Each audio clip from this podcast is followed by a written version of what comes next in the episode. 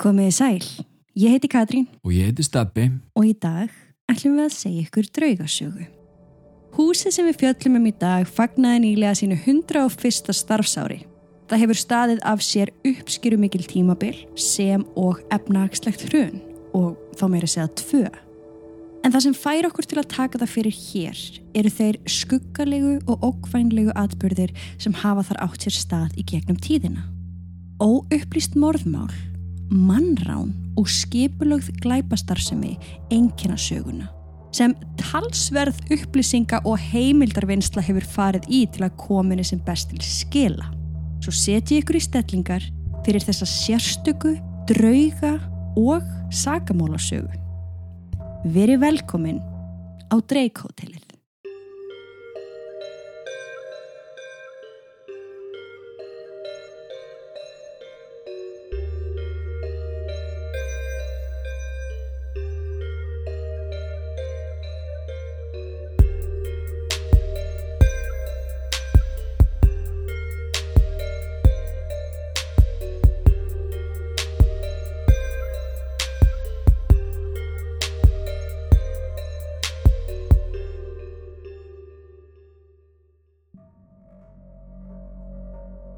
Við viljum minna á að draugasögurnar okkar eru ekki við hæfi barna yngri en 13 ára nema með leifi fullorna. Og með því hefjum við sögu dagsins.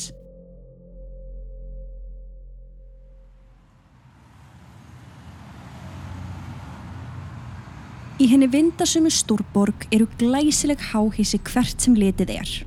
Hátísku vörumerki í hverri húsalengju og þekktustu verslunarkeður heims fylla göturnar með auglýsingum sínum.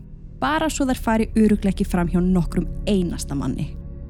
En Chicago var ekki alltaf svona. Því eins og við fórum vandlega yfir í þættinum okkar um vasturnin þá geysuðu hérna skelvilegu hamfarir eldsvoðans The Great Fire of Chicago yfir í oktober árið 1871 sem varði við 300 manns að bana og hundruðir þúsunda mistu heimili sín.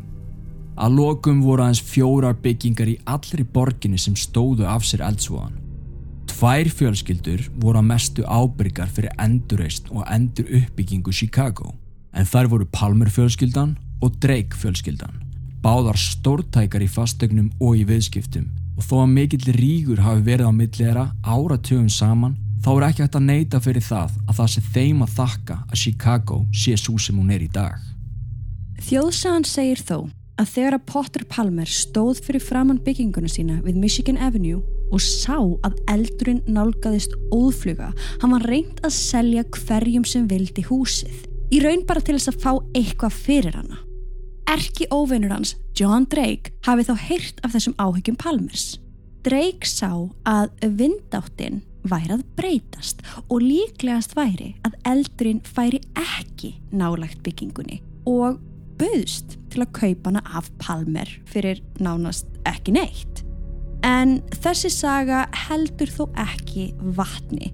Bæði því að byggingin sem og nánast allar aðrar í borginni urðu eldinum að bráð. Og líka vegna þess að Palmer átti ennþá lóðina þegar hann lést 31 ári setna. Já, talið er að þessu máli eða þessari þjóðsögu hefur verið líkt við aðra byggingu sem að stóðu líka í Chicago. Það því að hún heldur ekki vatni. Ok, en hinn, sagan, heldur hún vatni? Það er ekki nóg, byggingin? það er ekki nóg miklar heimildir Um um, þá byggingu. 14 árum eftir dauða herra Palmers komu þó bræðurnir Tracy Drake og John Drake yngri til sögunar. Þeir kiftu lóðina af dánarbúi Palmers árið 1916. Þeir voru jafn aðtapnamiklur og pappi þeirra var og táknaði ákveðin sigur fyrir Drake fjölskylduna að ná þessari lóð af Palmer fjölskyldunni. Já. Þeir kristu út hvern einasta auður sem þeir gátu til að byggja þar eitt af glæsilegustu hótelum borgarinnar á lóðinni. Kostnaður við bygginguna hljóp á 10 miljónum bandaríkjadala. Hótelið var byggt í ítölskum stíl eftir teikningum arkitektana Marshall og Fox og skartaði hvorki meira niður minna en 535 herbergjum. Þar af 74 luxussvítum og sérstakri forsetarsvítu sem var meðal annars með 6 svefnherbergjum. Nokkrir veitingastæðir voru á jarðhæð og tveir risastórir danssalir. Bræðirnir heldur svo sannarlega upp í heiðri fjölskyldunar með hótelinu sem á opnaði við hátíðlega aðdöfn þann 1. janúar árið 1920. Þetta var staðurinn til að vera á og láta sjá sig og sjá aðra. Skæristu stjörnir tónlistar og kvikmynda voru reglulegi gestir og hátsetti pólutíkusar og embætismenn. Gestir á þessum opnuna viðburði voru yfir 2000 talsins. Hótelið var í fjögur ár einnig höfustöðar VAF-GN útvar stöðvarinnar. Á sama tíma og þriðji Drake-bróðurinn, mm. William, bjó á hótelinu með Elizabeth eiginkonu sinni. Eða þar til Drake-fjölskyldan misti allar sínar eignir í stóru efnagaskreppunni The Great Depression. Nei, Já. þannig að þeir mistu hótelið. Öll auðæfin sín og við vitum í rauninni ekkert alveg hver tók við rekstrinum Nei, það er mjög það. óljóst að því að bankin hefur náttúrulega tekið við þessu mm. á þessum tímapunkti mm -hmm. en svo vitum við ekki meir en hótelið held þó áfram að vera miðpunktur aðteglinnar Skæristu stjórnunar voru tíðir gestir eins og Marilyn Monroe, Frank Sinatra og fleiri en Frank Sinatra satt einnig í stjórn hótelsins um nokkur ára skeið. En Frank Sinatra var líka gestur á uh, seinasta staðinu sem við tókum fyrir Stokes Adobe veitingastæðurinn. Herðu það er rétt. Það er rétt. Chicago, Chicago, I will show you around. En hvað var í hóteli Chicago án skipulaðrar glæpastarfsemi? Nú segðu þið. Frank Nitti, The Enforcer, var hægri hönd glæpafóringjans Al Capone og stjórnaði mafíunu hans The Outfit á meðan Capone satt í fangelsi. Frank Nitti var með skrifstofur fyrir sig og starfsemuna á efstuhæð Dreik-hótelsins um ára byll. Óhætt er því að segja að margir hafi verið færðir þangað að skipun Franks en fæstir komið þann lifandi út. Mm. Það er ef marka má miskunarlaust orðspórans hann var rosalegur sko. Rekstur mafíunar gekk mikið út á það að losa sig við lík og í því var Frank Netti algjör snillingur. Hótelið hefur marg oft verið notað sem tökustar í kvikmyndaheiminum eins og við tökum á My Best Friend's Wedding, Mission Impossible, Risky Business, svo fátt eitt sinna. Hæ, ég vissi það ekki. Þetta er bara mjög vinsalt tökustar. Margir bandaríkjafósettar hafa eitt nótt á hótelinu. Diana Prinsessa, Judy Garland, sjálfur Walt Disney, Nei. Winston Churchill og óteljandi margir aðrir. En Hilton Hotelur sinn kaupi síðan Drake árið 1996 og mm. hrindi af stað heljarinnar endurbótum og skipti út öllu í herbergjónum. Framkvæmdir sem kostuði alls 45 miljónir bandaríkjadala og hefur Drake hótelið til þessa dags verið í eigu Hilton hótelkeðinar mm -hmm. og titla sem Hilton hótel í dag En þetta er svona svolítið sagan um hótelið. Nú skulum við aðeins færa okkur yfir í sagamálin Já. og draugan. Endilega. Byrjum á sögunni um rauðklætu konuna. En þetta er sagan sem flestir hafa heyrt í tengslum við hótelið. Já, hún poppa reglulega upp. Nafn konunar er ekki vitað en hún var uppi árið 1920. Sagan gerist þegar það var haldinn stór og mikil opnun sem við vorum að segja ykkur frá mm. sem bræðitur heldu, þar sem allir mættu. Alveg rétt. Og já, einmitt, það voru jöldið 2000 mann sem mættu og allt voru þetta þekktur og virtir einstaklingar í samfélaginu. En eins og ég sagði þá er nafn konunar ekki vitað. En það sem við vitum er að hún mætti í veisluna klætt blóðrauðum kjól og við hliðinar var eigimaður hennar. Vittni sögðust að hafa séð konuna með manninum sínum en þegar að leið á kvöldið var hún einn. Maðurinn hennar var horfin og hún stóð einn í salnum og leið greinileg ekki vel. Önnur vittni sáu svo konuna ganga upp stegan og sagan segir að hún hafi þarna líklegast verið á leið upp í herbygisitt til þess að leita að eigimanni sínum. Þar hafa hún komið að honum með annari konu. Það er ekki alveg vitað hvað gerðist næst en konan í kjólunum fer í liftuna og upp á tíundahæð en sumir segja hún hafi farið alla leið upp á þak. Hún var greinilegi miklu uppnámi eftir að hafa séð mannin sinn til margra ára halda fram hjá sér í herberginu sem þau deildu saman. Þegar upp var komið kastaði hún sér fram af byggingunni og lendi á gangstéttinni fyrir neðan. En málið er að það er ekki hægt að finna neinar staðreindir um að þetta sjálfsmorð hafi átt sér stað. Nú, Nei, en það er til frétt og þannig staðreindir að eldri kona sem var fyrirverandi mótil og fyrirsæta hafi hent sér út um gluggan á The Drake Hotel. Ó, En það döðsfall átti sér stað löngu eftir að hóteli opnaði. já. Skilur þau, þannig að það var ekki aðna á opnuna kvöldinu. Nei, ok. Þá verðum við samt að skoða annan möguleika. Mm Þetta er árið 1920. Hótelið er í blóma og ef að sjálfsmorð gerist þá vilja eigendur alls ekki að neitt komist að því ekki satt. Nei, það er rétt.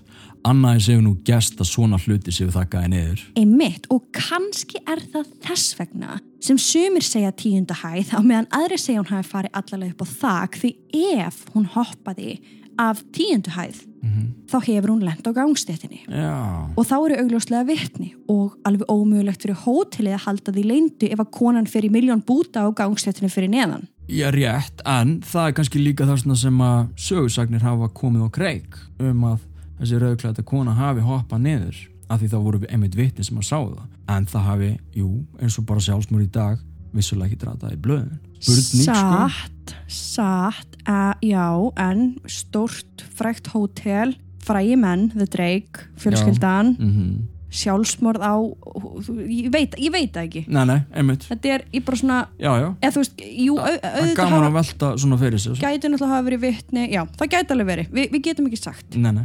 En ef hún hoppaði samt af þakinu, ef við tökum þann möguleika, Já, já. þá gæti hún hafa lent á öðru þaki fyrir neðan. Já, Og ef það gerðist, þá er auðveldara fyrir eigendur að láta eins og það hafi aldrei skeð. já, rétt. Skilur. En það sem það er eitthvað heimildi fyrir þessu þá er maður bara svona, já, ok, kannski verið að viksla þessu við hitt sjálfsmorðið Algjörlega, sem að gerast þannig mörgum ára setna. akkurat. Uh, kannski var hann ekki blóður um kjól, kannski var hann hvítum kjól og hann var svo bara allir í blóði, þú veist. Rétt. Já, já, En þessi kona virðist enn vera gestur á The Drake Hotel og sést hún aðalega á tíundu hæð. Gestur og starfsfólk hefur séð þessa konu svífa um gangana og hverfa inn í veggi. En hún virðist líka sjást fyrir utan á gangstittinni fyrir neðan gluggan sem hún á að hafa hoppað út um. Mm, ok. Þannig að sjáu þið að þetta er, þetta er vesen, Þetta, þetta er vesen, sko, og kannski er það, veist, þriðji möguleikin sem við veitum ekki svona af, sko. Mhm. En hvað sem gerðist, hvort sem hún hoppaði út um gluggan á tíundu hæð eða af þakinu, að þá sést allavega þessi kona ennþá fyrir utan. Standa á gangstéttinni í alls konar veðrum og alltaf er hún eins klætt í þennan blóðrauða kjól. Og það er þess vegna sem að fólk stoppar og starir af því að í snjóstorm eða rigningu þá eru ekki margir á ferli svona illa klættir. Það er rétt. Ein sagan segir frá eldri konu sem að stoppaði hjá konunni í kjólnum og spurðan að hvort það væri ekki allt í lægi. Konan á þá að hafa hort á hana og gufa svo upp, beint fyrir framan hana. Gömlu konunni var svo brugðið að hún fór inn á hótelið í paniki. Starfsfólkið var heila eilíf að róa hana niður og endanum var henni fyllt heim af starfsmanni. Já, ok. Þú veist, ég skil. Já, hefur verið- öruglega líka bara svona, herri, við skulum bara fylginni heim þannig að hún sé öruglega ekki að fara að stoppa og segja öllum í heiminum hvað hún hafi séð fyrir utan Já. hótelið okkar. Og svo er það þeir sem hafa síðan á tíundu hæðinni og þeir segja allir það sama þú veist, og í rauninni, þú veist, þetta er ekki svona það draugaleg draugasa af því þeir segja bara hún svífur hann um, starfsmenn óttast hann ekki af því hún virðist ekki vera vörfin eitt í kringum sig, hún bara er já. þannig að líklegast er þarna um að ræða bara residual orku Já, nema þegar hún horfði þarna á þessa manneski og svo guði. já, Já, mikið í þessu. Mhm. Vonandi fær hún nafn einn daginn. já. Sko, á þessu hóteli gerðust tvö stór sagamál Já. og þó að við séum ekki þetta hefbundna true crime podcast þá finnst mér mikilvægt að við köfum aðeins ofan í saumana á þessum málum tveim og samhliða því lítum við á draugagangin sem ásett þarna stað enn þann dag í dag. Mm. Þannig að setjið ykkur í stellingar, þetta verður langur þáttur og ég ætla að segja ykkur núna sögu af hræðilegu morðmáli sem átti sér stað á The Drake Hotel. Það 19. janúar árið 1944 gekk hinn 58 ára Adele Born Williams upp tröppurnar á hótelinu. Alla leið upp á 8. hæð með dóttur sinni Patricia Goodbody. Þegar þær komuðu herbergi 836 tókuður eftir því að hurðin var ólæst sem var undarlegt af því að Adele var vissum að hún hafi læst hurðinu eftir sér. Þegar inn í herbergi var komið sjáðar að einhver var að fela sig inn á baðherberginu þeirra. Það var gráhærð kona í svörtum pels og án þess að segja orð tekur hún upp skambissu úr veskinu sínu og skýtur tveimur skotum að dótturinni Patricia. Hún hittir ekki en hleypur það út af baðherbygginu og skýtur nokkrum skotum í átt að Adele. Í þetta skipti hittir hún og fær Adele byssukúlu beint í höfuðið sem særðana mikið en hún dóð þó ekki fyrir nokkrum klukkutímum síðar. Þessi svartklæta kona gekk því næst út úr herberginu og það virðist vera að nokkrir menn hafi séðana áður en Patricia kemur út úr herberginu og öskrar á hjálp. Annar maðurinn sem segist hafa orðið vittnafissu segir setna meir að hann hafi geta felt konuna og stöðvaðana þannig en hann saðist ekki vera vanur að fella ókunnugar konur og gerði það því ekki. Patricia á þá að hafa hlaupið út gangin á eftir konunni og öskrað. Stöðvið þessa klikkuðu konu, hún skaut móður mína. Og svona byrjar sagan um morðið á Adele en hún verður skrítnari og skrítnari með hverjum degin. Lögreglan kom á svæðið og gerði massífa leit um allt hótelið og í kringum það en fann engan. En síðan nokkrum klukkutímum síðar byrtist morðvopnið í steganum. Lauruglan var klárlega búin að leita þar þó nokkru sinnum og aldrei hafði bissan verið þarna þannig að það er eins og bissunni hafi verið skilað skyndilega aftur á morðstæðin. Ok, það er stór fyrðulegt. Það er það. Af því þeir voru klárlega búin að leita út um allt, Já. en svo bara byrtist Já, hún. bara byrtist. Sveipaða sögum og segja um aukaleikilinn sem var til af herbergri maðgnana. Hann hafði horfið þegar að morðið átti sér stað en síðan á einhvern óútskýrðan hátt byrtist hann bara allt í hennu aftur í móttökunni klukkan tíu sama kvöld. Ok, Mm já, já. Eins þá hafði Adele verið með 100.000 dollara í reyðufíu inn á herberginu sem er ansi mikið reyðufíu til þess að hafa á sér. En engin útskýring er á af hverju hún bar allan þennan pening á sér og sömulegis þótti lögurglunni skrítið að honum hafi ekki verið stólið. Adele átti líka gríðalegt sapn af dýrum skarkripum en sömuleiðis voru þeir skildir eftir í herberginu sem gerði það nokkuð ljóst að þetta var ekki ránstilraun. Þegar að síminn á hótelherbygginu var skoðaður kom í ljós að það hafði verið hringt úr honum rétt áður en morðið átti sér stað og þá á veitingastað sem hétt Fish and Ale House sem var tveimur götum frá. Nú, Þannig að það er eins og einhver hafi hringt, rétt áður en að þær komu, já þannig að það herbyggi á að vera tóm, já, en það er eins og einhver hafi hringt mhm, á veitingastað. Þessi ráðgáta er ennþann dag í dag óupplýst. Það var aldrei neitt grunaður e eða svona, já, það kom alls konar hugmyndir. Já, en þetta var risastórt mál árið 1944 og á hverju ári var minnst á það, þú veist, í dagblöðunum, það leið eitt ár, það var Já. minnst á það, leiði tvö, þrjú og svo framist, þú veist, bara það svona gleym- minningar, já, það glemst aldrei. nei, Lögreglan skammaði sín líka verulega fyrir að ná ekki að leysa þetta mál en það var þessi lögreglusveit talin vera með þeim betri í bandaríkjunum. En það eru samt getgáttur um hvað gerist þetta örlaríka kvöld. ok, Einu þannig að það hafa aldrei verið neinn kona í svörtum pels. Heldur hafi Patricia, dóttirinn sjálf, skotið móður sína. Mögulega voru þeir að rífast um byssuna og skotinu hleyft af alveg óvart eða þá að Patricia hafi bara skotið móður sína í köldu blóði. og hún hafi bara sjálf verið þess svarta kona í pelsinum hann. Já, sko lauruglustjóri sem var að vinna þessu máli uh, sem hétt Kvinn, hann er vissum að þannig hafi þetta gerst og bendir hann á að undarlegt þykir að enginn hafi hringt á hjálp fyrir en 10-15 mínútum eftir að morði var framið.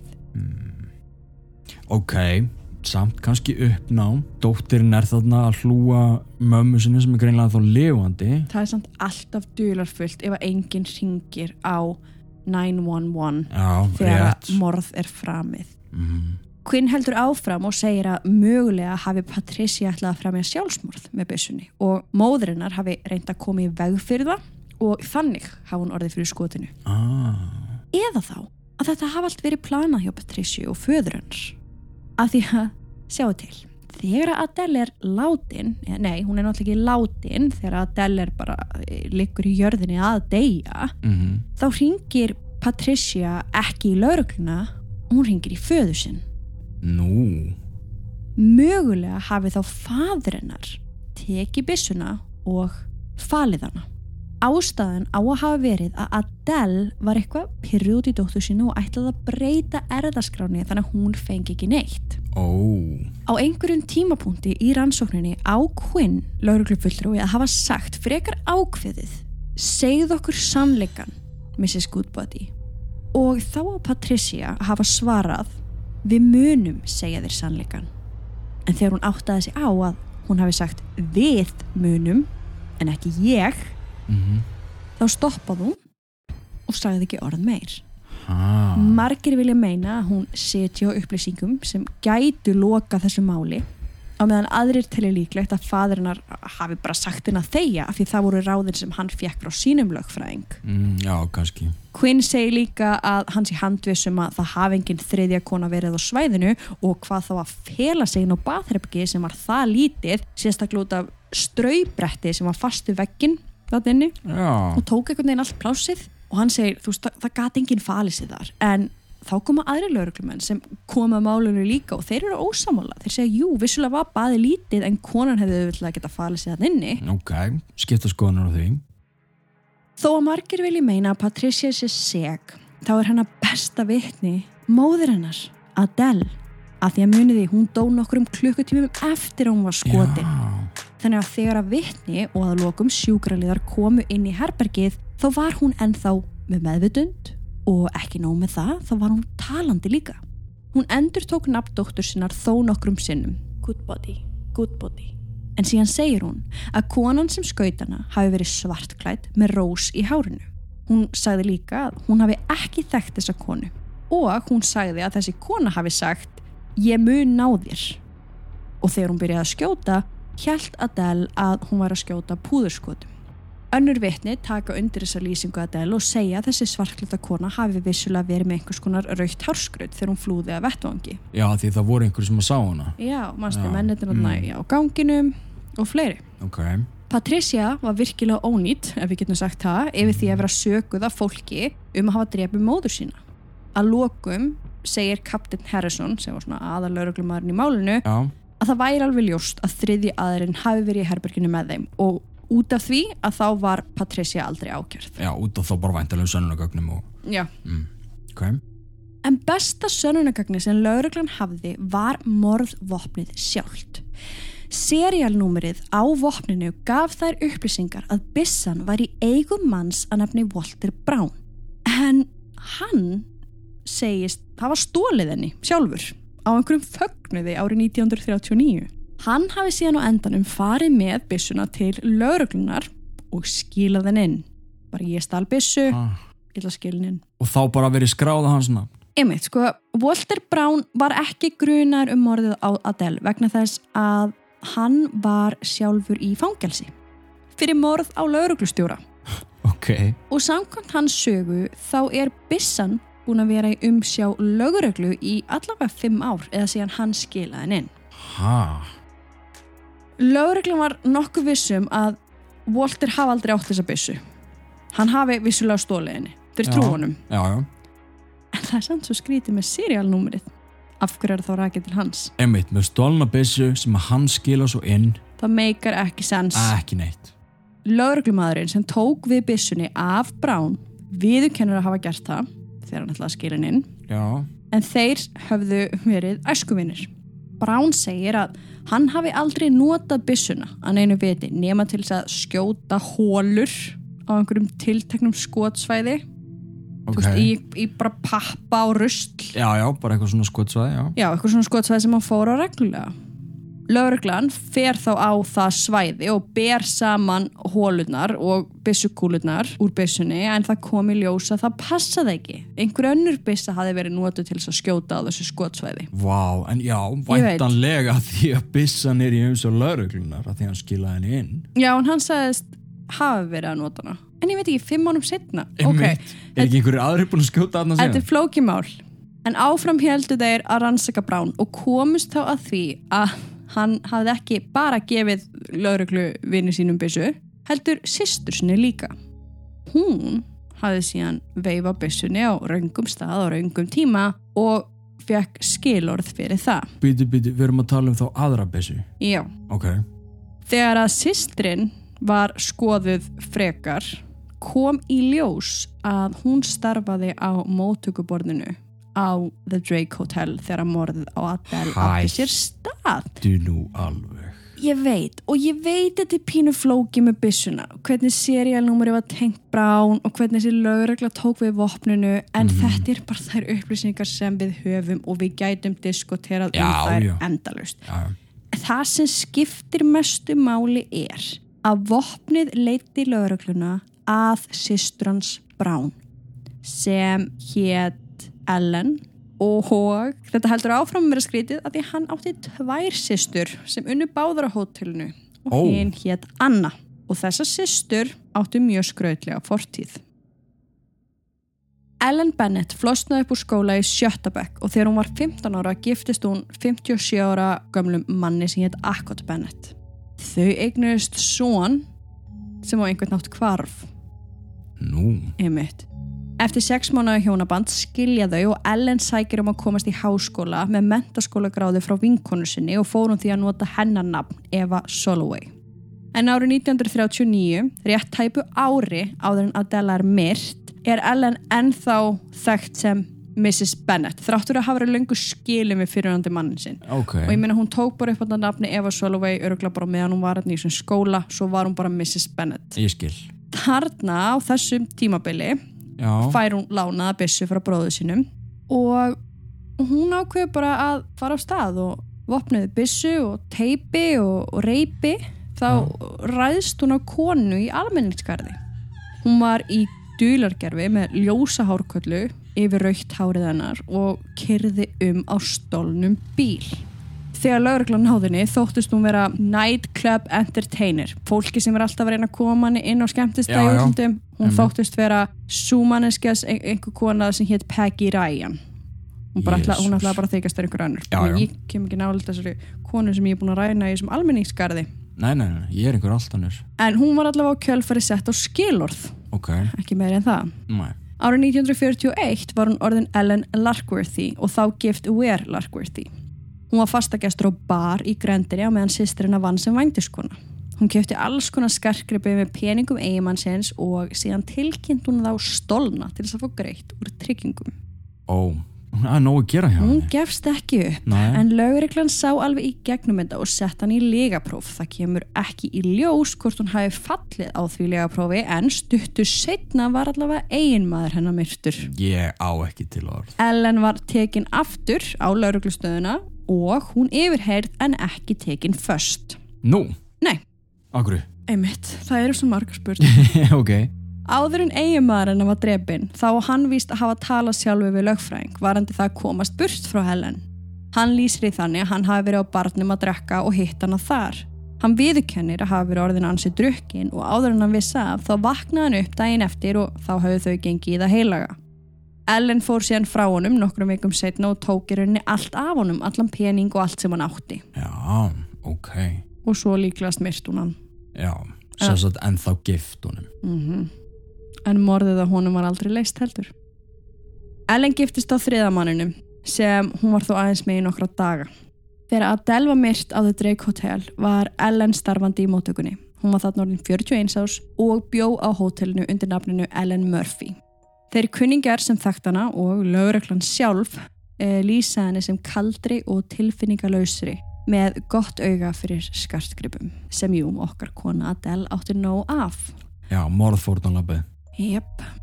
Ellen gæti hafa verið svo sem að létt svartklættu konuna fá leikilinn til þess að komast inn í herbyggið því það þótti undarlegt að allt í einu klukkan tíu sama kvöld hafa hann bara skyndilega byrst á borðinu hjá Ellen Mjög hendugt. mm á þessum tíma eins og ég sagði aðan þá bjó Ellen á hótelinu og með henni var nýju kærastinn Patrick Murphy. Og hann átti sem sagt bróður sem var vinnumálastjóri hjá ríkinu þú veist þannig að hann var eitthvað svona svolítið big shot. Einhver topp nági, ok. og tveimur vikum fyrir morðið, hlustaði nú vel Já, þá var hringt úr símanum inn á hótelherbyggið þeirra hjúa ok, þau bygga á hótelinu. Já, þá var hringt úr þeirra síma já. á sama veitingastað The Fish and Ale House sem var líka hringt í muniði úr símanum hennar Adele Nú, hvað er það? nú fara öll spjót að beinast að þeim. Nefnilega. Með þessar upplýsingar fær lögreglan Ellen til þess að mæta upp á stöð í yfirherslu. Þar viðurkennur hún að eiga svartan pels en hún segist aldrei hafa átt hárkollu sem er náttúrulega bullshit, hún átti allavega, Já, þegar hún reyndi konun í alminskarun. já, og, ástæðan fyrir því að lögreglan er að spyrja hana þessu þarna er að þeir fóru eitthvað að skoða, þú veist, mögulega var þessi svarklöta kona ekkert gráhærið, þú veist, mögulega var hún með hárkollu. Ok, En Ellen heldur áfram og segist aldrei hafa farið inn í herbyrgið hennar Adele. Fjarvistastönnurinn hennar var frekar gloppót. Fyrst sagðist hún hafa verið á hótelinu, síðan á veitikastæðinu hliðin á, en hún tók lígapróf og stóðst það. já, ég menna það kannski ekki skrítið ef að kunningjar lýsinu sem kaldri á tilfinningalösri. Einmitt. Og hún tók ekki eitt próf, hún tók alveg nokkur og hún stóðst alltaf lígapróf. Ok, Ellen og sýstrinnar Anna voru handteknar tvísvar í tengslu við morðið en þær voru látnar lausar í bæði skiptin því sönnunabyrðin var ekki nægileg á þær til þessa ákjara.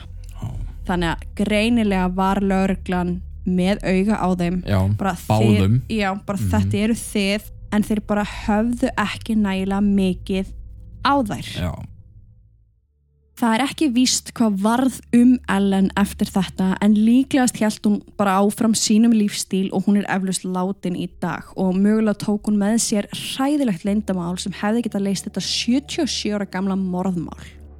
Þannig að morðið á Adele Born Williams var aldrei leist og svarklata konan hefur aldrei fundist.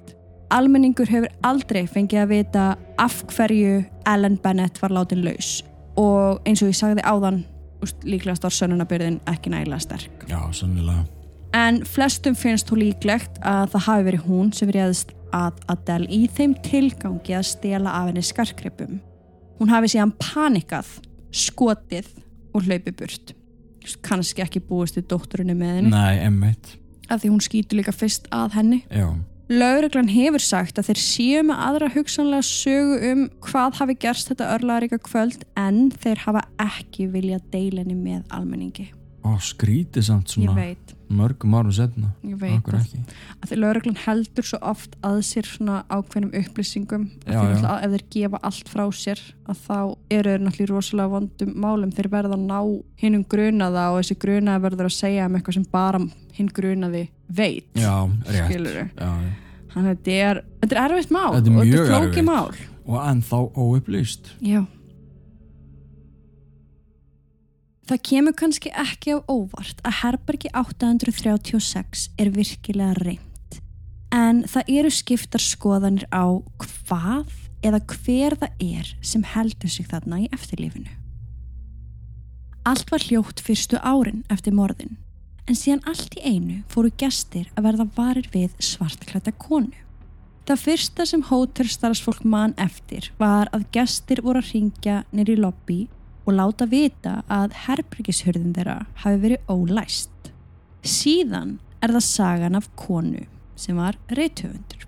Hún pantaði herbergi 836, sérstaklega af því að hún hafði áhuga á morðmálinu. En líklegast var hún þarna til að lifa inn í söguna en ekki til þess að leita draugum. Um nóttina vaknar hún við læti inn á baðherberginu. Hún stendur upp, kveikir ljósið og lítur inn á bað. Hún sér engan. Hún gengur þó aftur að rúminu sínu, slekkur ljósið og leggst upp í. Hún snýr sér á hliðina og lokar augunum. Nokkrar mínútur liðu þegar hún heyrir aftur einhver læti inn á baði. Hún opnar augun en þá sér hún svartklædda konu með stór hvít augu liggja við hliðin á sér og stara á sig. Hún öskrar upp fyrir sig, dettur úr rúminu og á gólfinu tegir hún sig í náttlampan og kveikir ljósið. Það var engin í rúminu. Hún pakkaði niður, fónir í lobby og sagði frá því sem hún hafði upplifað. Hún fikk útlitað annað herbergi en þrátt fyrir það svaf hún ekkert þessa nótt. Gestur og eftir henni sögðu svipaða sögu að inn í herberginu væri svartklætt kona með stór augu. Hótelþernur voru sammála um að orkan í herberginu væri óþægileg og voru þær komnar með samkomulag að vinna alltaf tvær saman inn í herberginu. En þá fórast það vangaveltur um af hverju fólk væri alltaf að sjá svartklætu konuna en eins og þið vitið þá var það konan sem myrti Adele en ekki svo sem var myrt. Alveg rétt. Og út af því fóru efasendamenn að segja að fólk væri að búa til þess að draugasögur því ef einhver ætti að vera að ganga aftur í þessu herbergi þá væri það líklegast Adele en ekki konan sem drap hana. En aftur þá vitum við ekki hvort Adele sjálf hafi verið svartklætt þegar hún lést Ó, ef út í það er farið. Plús það að þá dó hún ekki í herberginu heldur. Hún dó nokkrum tímum síðar á spítala. Já, já. Það eru alls konar vanga veldur en það er ekki hægt að þræta fyrir eitthvað sem margir ótengdir aðilar hafa upplifað. Og það eru lætininn á baðherberginu á nóttunni og þessi svartklæta kona sem verðist alls ekki svo vinaleg. Já, þetta getur náttúrulega verið Ellen að snúa aftur af því hún er vissulega döð núna. Það er akkurat það sem ég hugsaði. Já, kannski gælda fyrir það sem hún gerði. En svo náttúrulega líka þá getur fólk gengið aftur á þeim stað sem að atbyrðurinn áttu sér stað þó að hafi látið lífið einhver staðar annar staðar. Akkurat. Af því þarna er náttúrulega á, í þessu herbergi var lífið hennar eiginlega tekið frá henni. Já, þarna var hitinn. Þú veist, já, Já. þarna var það sko þó hún hafi síðan látist nokkra tíma setna. Já, En það er með það sem ég hugsaði líka þegar ég var að skrifa að það var bara, ok, gæti þetta bara verið Ellen? Þú veist, er hún Já. kannski bara í eftirlífinu, kannski þarf hún að gjalda, við veitum ekki hvernig fólk þarf að gjalda fyrir að, að gera svona hluti. nei, nei. Þú veist, kannski þarf það að gjalda fyrir það þannig að þú lifir það aftur og aftur og aftur og aftur. Já, hver veit. Að því meina lætininn á baðherbergi. Já, ég meina Al Capone sjálfur, hann á að vera fastur í Alcatraz. Akkurat. Þannig að, já, maður veit ekki hvert helviti sem er. Nei. Ok, ég vona að þeir séu tilbúin í næsta sagamál sem tengist The Drake Hotel. Klárlega. En það er morðið á hennum 14 ára Bobby Franks. Nathan Leopold var 19 ára og Richard Loeb var 18 ára þegar morðið var framið. Þessi tveir strákar voru líkir að öllu leiti. Þeir litu meiri segja eins út, myndalegir með svona dögt yfirlit, dökkarið Mhm. með dökkaraugabrúnir. Þeir ólist upp í forréttendum í Kenwood þar sem húsin eru stór með tennisvelli í bakgarðinum. Þarna byggu aðalega farsalar gýðingafjölskyldur og háttsettir fræðimenn í háskólanum. Leopold fjölskyldan átti miljónir dala, Loebs fjölskyldan fjórar miljónir. Richard útskrifaðist úr mentaskóla 15 ára og Nathan talaði 15 tungumál 18 ára gamall. Þú erum að tala um, bara þeir, bráð gáða þeir voru með mjög háa greind af þessu tölu. Já, Richard var sjarmur og tók þátt í alls konar félagslegu viðburðum og meðan Nathan var hlédrægur og listrætt. Þeir voru búin að vera nánir vinir í tvö ár þegar þeir byrjuðu að stunda glæpi saman. Þetta voru litli glæpir til þess að byrja með. Stela peningum, skarkripum og, og fleira. Að sjálfsögðu þurftu þeir ekkit á þessum peninga halda heldur gerðu þeir þetta engung upp á spennuna. mm, akkurat. Hægt og rólega þróaðist þessi vinskapur í ástarsamband. En þeir heldu því leyndu, það mátti ekki spyrjast út. En það sem þetta dúo vildi var að fremja hinn fullkomna glæp. Nathan stingur þá upp á því að þeir skildu ræna barni og byggjum lausnarfjö. Richard tók undir þessa hugmyndvina síns og saman byrjuðu þeir að velta því fyrir sér hvernig þeir ættu að aðtafast. Þeir eittu mörgum dögum og vikum í að plana glæpin og öll smáatriðin þar í kring. Þeir ákvaðu að þegar þeir væru búin að ræna barninu skildu þeir byggja um 10.000 dollara í lausnarfjö en þeir voru ekki alveg vissur um hvernig þeir ættu að nálgasta því þetta átti jú að vera hinn fullkomni glæpur. Þeir ákveða svo að þeir skildu fá fadir fórnalamsins til þess að fara upp í lest með peningana í tösku Hann ætti síðan að henda töskunni úr lestinni á ferð á tilteknum stað vestan megin við Lake Michigan. Þar myndu þeir býða í bíl og þegar að taskan kæmi skildu þeir hopp út úr bílum, ná í peningana og kera brott. Ok, fullkomni glæpur. Setni part dags, þann 21. mæ 1924 leia þeir vinirnir sér bíl og keira niður gödurnar í söður hluta Chicago í leit af fórnalambi. Klukkan 5, eftir að hafa keirt í rúmlega 2 tíma, voru þeir tilbúinir að hætta við og reyna aftur setna. En þar sem Nathan er að keira niður Ellis Avenue, kemur Richard sem satt í farþegarsætinu auga á litla frænda sinn, Bobby Franks, lappa niður gangstéttina hinum með við götuna. Richard vissi að pappi Bobbys væri auðugur maður sem myndi klárlega borga lausnar fyrir drengin sinn. Richard pikkar í vin sinn, bendur á Bobby og segir honum að þarna sé fórnalambiðira. Nathan snýr þó bílum við og keiri rólega við hliðin á gangstéttinni þar sem Bobby var að lappa. Hey Bobby, kallar Richard. Drenguru snýr sér við og horfir á hvernig bílinn stoppar við gangstéttabrúnina. Leðu mér að gefa þér far, segir Richard á sama tíma og hann stendur upp úr bílnum. Bobby neytar en það var hann næstu í komin heim. En frændans helt áfram að byggja hann um að komin í bíl. Hann sínd honum farþegarsætið og sagði honum að hann mætti setja fram í. Bobby neytar aftur og þá ákveður Richard að skiptum taktík. Hann segir honum að hann langi til að spjalla við hann um tennisleikin sem hafi verið fyrr í vikunni og myndist á það að Bobby væri svo góður í tennis og gæti eflust kent honum margt. En á sama tíma hann er að segja þetta er Richard að hugsa hvort hann ætti bara að grípa strákin og ídunum í bíl. Bobby brosir þá, gengur nær bílnum og sest í framsætið. Richard sest í aftursætið og Nathan keirir af stað. Þeir spurja drengin hvort hann sé ekki sama þeir keiri meðan eitt ringi kringum hverfið. Bobby snýr sér þá við og brosir fram hann í frænda sinn, ánægður að hann vilji tala við hann um hversu góður hann var í tennis. Nei, allt er leið mín vegna, svarar hann svo. Þeir keira niður Alice Avenue. Richard sem satt núna aftur í fer með höndina á milli sætana og tekur upp sporjað. Hann tók þjættingsfast utan um handfangið. Bobby satt áfram brosandi í framsætinu. Nathan tekur svo vinstri beigju og á sama tíma grýpur Richard í Bobby litla aftan frá með vinstri hönd. Hann setur lófan fyrir munin á honum svo hann gæti ekki öskrað. Síðan tekur hann hjálpnið og dúndrar því í nakkan á honum. Hann tekur það síðan út og aftur inn í höfuðu litla drengsins. En þrátt fyrir þetta var Bobby ennþá með meðvitund. Á þessum tímapunkti er Bobby búinn að snúa sér hálfur í sætinu þannig að hann horfir aftur fyrir sig á frænda sinn. Hann setur hendurnar upp til þess að verja sig en Richard stingur játninu í ennið á honum tvisa sinnum. En Bobby er sterkur og heldur áfram að verja sig með kæfti og klóm. Það var síðan fjórða höggi sem gerði útslæðið sem fór beint í ennið á honum og gerði risa stóra hólu. Blóðið var allstaðar í sætinu, loftinu, rúðinu, á Richard og Nathan og á gólfinu. En þá heyra er Bobby gráta. Hann var ennþá lífandi. Richard rýfur þá litla drengin og tókar hann aftur í. Þar treður hann klút í munnun á honum og setur límband fyrir. Og þannig dó hann. Hann kapnaði. Vinirnir höfðu lokið við fyrsta hlutan af þessum fullkomna glæp af þeirra eigin sögn. En núna var komið að því að losa sig við líkið. Þeir keirðu áfram söður í Chicago og fundu þar stað sem þeir töldu vera fullkomin. En það gekk þó ekki betur en svo að þegar þeir draga drengin út úr bílnum og út í skó og að gjótu þá mistir Nathan glerugun sín úr jakkavasanum og beint í moldu á jörðina. Þegar þeir snýru tilbaka í bæin skrifuðu þeir lausnarbref og settu í post. Þeir byggust við að það erði komið á heimili Jakob sem var fæðið drengsins átta morgunin eftir.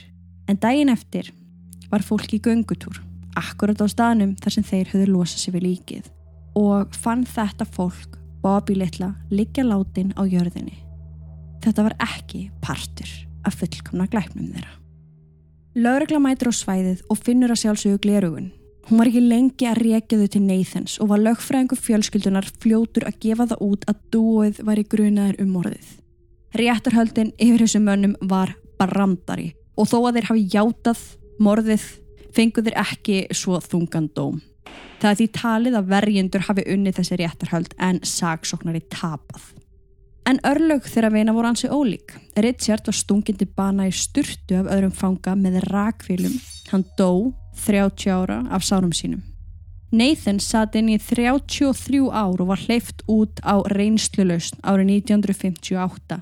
Hann sagðist ekki hafa áhuga á neinu öðru en að lifa lífinu frjáls sem lítill ómerkilegu maður. Hann ferðaðist í Puerto Rico, fór í skóla og giftist þar konu. Árið 1960 fór hann svo aftur til Chicago að heimsækja fjölskyldu og vinu. En hann lést í Puerto Rico 29. ágúst árið 1971 þá 66 ára gamal. Vá, þannig voru örlög þeirra og Bobby Franks litla. Mm -hmm. Þetta er ótrúlega sorglega saga og, og hérna og þessi réttarhöld, þú veist, eru örgulega 40 blaðsjör eða eitthvað að lesa Já, það var svo mikið skrýpa leikur og svo bara, þú veist, skoðið myndirnar að þeim sjáu ég bara hvað þeir eru kokki og ógeðslegir, já. þessi menn þetta er bara, þeir eiga allt illt skilið í heiminum og ég vona innilega þeir séu að gjalda fyrir það í eftirlífinu Sem þeir gera pottet, sko. En ok, hvað tengist þetta Drake Hotelinu? Jú, lefum mér að kynna fyrir ykkur hina leikmennina í sögunni. Þá fjölskylduna hans Bobby Franks. Fóreldra Bobbys voru Jacob og Flora Franks. Jacob var auðugur og velvirtu maður í samfélaginu. Hann var svona hálgerður forseti við Chicago bókasafnið ásamt því að vera snjall í viðskiptum. Saman áttu þau Josephine Frank sem var 17 ára þegar bróðurinn var myrtur og Jack Frank sem var 16 ára. Þennan örlaðuríka dag bjó fjölskyldan saman í stóru húsi við Ellis Street en Bobby var einmitt í þeirri götu þegar hann fór upp í bíl með frænda sínum. Hann var bara í götinu heima. Hann þurfti ekkert far. Nei, Hann var bara svo ótrúlega ánæðar einhver svona stóri frændans var að sína því áhuga hann var í góður í tennis. og sína honum aðtekli og fá hjá hann ráð og eitthvað. Já, þú veist, þetta er bara, þetta er svo sorglegt og lítur á hann, þú veist, brosandi. Mm Ég, ég get þetta ekki. Bobby var grannustrákur og stundaði nám í enga skóla. Hann var virkur í íþróttum og var meðlumur í svona ræðuliði skólans. Þetta kvöld var hann að ganga heim af köruboltæfingu. Þegar Bobby hafði ekki skilað sér heim klukkan 5 fóru fóreldrar hans að fá áhyggjur. Klukkan 9 um kvöldið ringir Jacob í vinsinn sem var fyrirhandi þingmæri í Chicago og saman fara þeir út að leita að stráknum. Á meðan þeir voru úti fær Flora simringingu um klukkan halv 11. Hún tekur upp tólið og á hinum endanum er Richard en hún vissi að sjálfsög ekkert hver það var og maðurinn var ekkert að kynna sig. En það sem hann sagði er þetta, orðrétt. Þú veist mæta vel núna að sinni þínum hefur verið rænt. Við erum með hann og þú varst engar áhyggjur að hafa. Hann er í örgum höndum. En ekki reyna að rekja þetta símtalið að finna mig. Við viljum fá peninga og við munum láta þið vita á morgun með brefi nákvæmlega hvað við viljum. Við erum ræningjar og þetta er engungu upp á viðskipti. Ef þú neytar okkur eða hefur samband við laurugluna munum við drepa strákin. Bless. Þegar maðurinn hafði skellt á leið yfir Flóru og hún lá meðvitundarlaus á gólfinu þá getur maðurinn hennar snýri aftur. Þetta var bara of mikið. Já. Það sem hún vissi samt ekki var að sonur hennar var löngu dáin og það væri búið að hendunum í skurð út í skógi. En haldandi að drengurinn var á lífi sest Jacob niður með vinum sínum og sama reynar að finna út hvað þeir ætti að gera.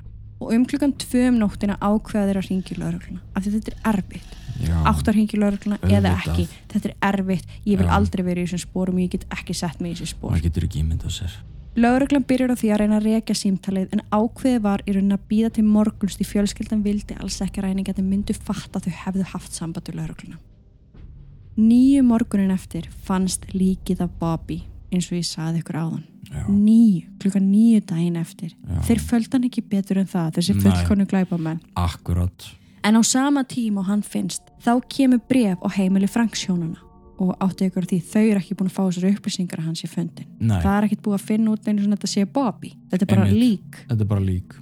Sko, þetta bref sem kemur til Franksjónuna, ég ætla ekki að þylja allt brefi fyrir ykkur, en við, ég, ég, við getum látið að fylgja með sögunni ef þið viljið lesa það yfir. En Já. þeir eru í raunin að segja bara, þú veist, þið verið að gera þetta, þetta, þetta og þetta, þetta, þetta. Mm. Fjölskyldan var þarna ekki búin að fá þar fréttir að sonur þeirra væri fundin. Svo Jacob Frank ríkur í bankan og tekur út pening. Hann ætlaði að borga mönnunum og fá son sinn tilbaka. Klukkan eitt satt Jacob við síman og beigð eftir næsta símtali frá mannræninganum. Þetta símtal tafðist til kortri við þrjú. En þá fekk hann þær upplýsingar að gulur leigubíl myndi fljótlega koma að heimili hans. Jacob átt að fara inn í bílinn með peningin. Bíli myndi keira með hann að apoteki á horninu skamt frá. Þar myndi hann fá annað símtal með næstu upplýsingum. Plani hjá Nathan og Richard var að ringja í hann þegar hann kæmið apotekinu og segja hann um að fara um borð í ákveðna lest. Síðan átt hann að henda töskun út á ákveðnum stað eins og þeir voru búin að plana. Mhm. Guli leigubillin kemur fyrir utan og Jacob hleypur að honum og inn í hann. Hann segir bílstjórunum að keira að apotekinu á horninu, en bílstjórin var ekki viss hvar það var. Var hann að tala um apotekið á götu 63 eða hjá Kimberg Avenue eða hjá Woodlawn Avenue og Jacob myndi ekki hvað mannræningin hafði sagt. Í paniki hleypur hann út á leigubílum með töskuna með peningnum til að skoða meðan sem hann hafði skrifað neður leiðbendingarnar á. Akkurat á sama tíma ringir síminn Það var máur hans Edwin. Hann sagði Jacob fréttinar af líki strauk sem hafi fundist í gjótunni. Edwin vissi að Bobby var týndur svo þegar hann fekk fréttinar bruna hann upp á lauruglustöðuna sem var rétt hjá honum. Hann þekkti til lauruglustjónas og allir vissu að hann væri máur Jacobs. Hann baði um að fá að sjá lík drengsins til þess að bera kennsla það og jú, vissulega var þetta Bobby. Frank brotnaði niður í síman. Legubillin var sendur í burtu og Nathan ringdi tviðsvarsinum í apoteki til þess að aðtöða hvort að Jacob var í komið ánga en fljótlega fattaði hann að það var ekki allt með feldu. Til að byrja með hjælt lauruglæna að einhver af kennurum Bobbys bæri ábyrð á dauða hans. Það var ekki fyrir glerugum fundust þar sem þetta svika plott vinana kom í ljós. Fljótlega eftir rétturhöldin ákveður Jacob Franks að flytja úr húsinu með alla fjölskylduna sína af því að þau gáttu ekki búið í þessari götu þar sem sinið þeirra hafi verið rænt og þar sem mann var drefin. Já. Fyrir utan allt fjölmila fárið sem að var í kringum heimilið þeirra og meiri segja að túristar voru að banka upp á. Þú veist, þau, fengi ekki frið og líka bara út því að rétturhöldin voru svo mikill skrýpalegur Já, þá var þetta bara stanslaust. og það var þá sem að þau ákveða að selja húsið sitt og flytja í svítu á The Drake Hotel. Mm. Og ég held að það hafi verið að einhverju leiti bara til þess að komast í burti frá öllu. Þú, veist, Já. þú kemst ekki inn á Drake Hotel nema að vera með veist, kort. Já, já, já, já. Já, bara ekki- svona ákveð öryggi Já, kemst ekki Já. Jacob deyr árið 1928 þá 73 ára aldri úr hjartaáfalli inn á hótelinu aðeins fjórum árum eftir að sonur hans lést. Flora, þarna orðin ekki að giftist lögfræðingnum Albert Lohr árið 1933 en held þó áfram að búa á hótelinu. Það er eins og þetta hafi orðið þeirra svona, ég ætla að hafa að sletta, svona safe haven. Já, já, já. Bara, já, þeirra greiða Já. staðið loksins. Eins og Jacob fyrir handa eiginmarinnar þá ljast hún líka inn á hótelinu úr brjóstakrafmeini árið 1937 þá aðeins 60 aldri. Bönnin þeirra tvö, sískinni Bobbys, erðu fóldra sína sem voru vel auðu og heldu áfram að halda minningu Bobbys á lífi. Bara með alls konar, alls konar hátt sko. Já, ok, wow. Þetta er ótrúlegt mál, þetta er risastórt mál Já. og sko Bobby Franks herbergið sem þau byggu Mhm. er staður þar sem margir upplifa mikla sorg og svona þrúandi tilfinningu. Ó, maður getur rétt ímynda sér. Mm Þau náðu sér aldrei. Nei, Þau bara náðu sér ekki. Auðvitað ekki. Grátur konu heyrist þarna reglulega á næturnar og einnig í barni hlaupa þarna um og um leið þá hætti konun að gráta. Einhvern veginn eins og barni sem kannski að hlaupa. Og hugga mömmu sína. Já. Já. Eh, Það er nokkuð ljóst að þau hjónin halda sig enn í gamla herberginu þráttur að vera farin yfir móðuna miklu og hver veit nema Bobby sé með þeim. Já, það getur náttúrulega verið. Og, og kannski bara því að sorgin sé svo mikil. Já. En það er ein saga sem að fylgir herberginu og það er saga um hana Kelsey. Hún var á leið til Chicago frá Washington í stutta vinnuferð í borginni. Það átti að halda starfsmannafund á Drake hotellinu þannig að starfsfólki gisti þar líka Mhm. og svo ætluðu bara að halda vinnufund morgunin eftir. Já. Vingjarlegu maður í síðum brúnum frakka frá 5. áratögnum tóka mótin í stiga hótelsins. Hann rétti hendur sínur út með brosi og bauðst til þess að bera töskurnar fyrir hana, án þess að segja uppátt. Hún afþakkaði kurtisislega á sama augnabliki og maðurinn kvarf inn í skuggan fyrir aftan hana. Kelsey trúði ekki að drauga. Hún hallaðist frekar þeirri hugmynd að þeir gætu verið til en samt einhvern veginn ekki. Ok. En þetta atvik kunn hún ekki skýringu á. Bara flug þreita, hugsa hún með sér og held áfram upp í herbyggi. Það var á efstu hæð og svo sannlega með þeim glæsilegri sem fyrirtækið hennar hafði splæst í. Gull og koparlitið veggljós í bland við dökkan viðarlit bar virkilega drunganlegan blæ og gerði andrumslofti kannski aðeins draugalegra. Stórir gluggar gáfu gott útsinni við Lake Michigan en þrátt fyrir það og þó að Kelsey hafði kveikt öll ljós og lampa í herberginu þá var ennþá frekar dimm. Vindaborgin Chicago bauðinni kannski ekki betri byrtu en þetta á hóteli sem var frækt fyrir draugagang. Hún ákveði að taka ekkert upp úr töskum. Hún erði komin aftur heimurúmum sólarhing setna svo það tók því valla. Hún þurfti líka að vinna talsvest og það var líka í forgangi. Hún sest nýr í hægindastól, tekur upp tölvuna og byrjar að fara við tölvupósta. Þó skyndilega er bankað á hörðina hennar. Henni fannst það pínu skrítið því klukkan var orðin margt en á sama tíma þá voru samstarfsfélarannar á sumu hæð svo mögulega var þetta einhverja þeim. Hún leggur frá sér tölvuna, gengur á hörðinu og opnar. En fyrir utan er engin. Hún stýgur út fyrir fram á gang og lítur til begja hliða. Það var engin sjáanlegur. Hún lokar hörðinni, passar að hún sig í lás og sest aftur í stólinn. Henni þótti þetta vissulega undarlegt en það gat alveg verið að einhver var að gera grín Hún held áfram í tölfunni og áður hún vissi af sló klukkan inn á herbygginu 12 að miðnætti. Kelsey tegir úr sér, nutt draugun og leggur frá sér tölfuna. Hún var þreytt og hún kveið fyrir fundinum um morgunin því það voru alls konar vandamál sem þurfti að leysa og hún átti að vera með svör úr verkefnum sem voru ekki klárið. Hún stendur upp og gengur að risastóra rúminu sem var í miðju herbyggisins. Hún leggur lofana rúmteppinu og stríkur létti yfir það. Þá skindilega heyrir hún í einhverjum gráta. Henni snögg bræður en minni sjálfan sig á að hún væri á hóteli, veggirni væri þunnir og líklegast væri grátur hún að koma þaðan. Jafn forfitin og hún var þá gengur hún að vegnum og leggur eirað uppað. Hún heyrði gráturinn vel en hann var ekki að koma úr herberginu liðin á. Hún fær þá hinum einn í herbergið og gera það sama en aftur fannst henni gráturinn ekki koma þaðan heldur. Hún stóð stjörf á gólfinu í smá stund Það var greinilega einhver að gráta. Hún lítur svo í áttina baðherberginu. Hún var ekki búin að fara inn á baðherbyggi síðan hún kom. Hún gengur að því og heyrir hvernig gráturinn verður herri. Þegar hún er komin alveg að dyrunum var það nokkuð ljóst. Það var einhver inn á herberginennar og þessi aðili var búin að vera þann inni síðan hún kom.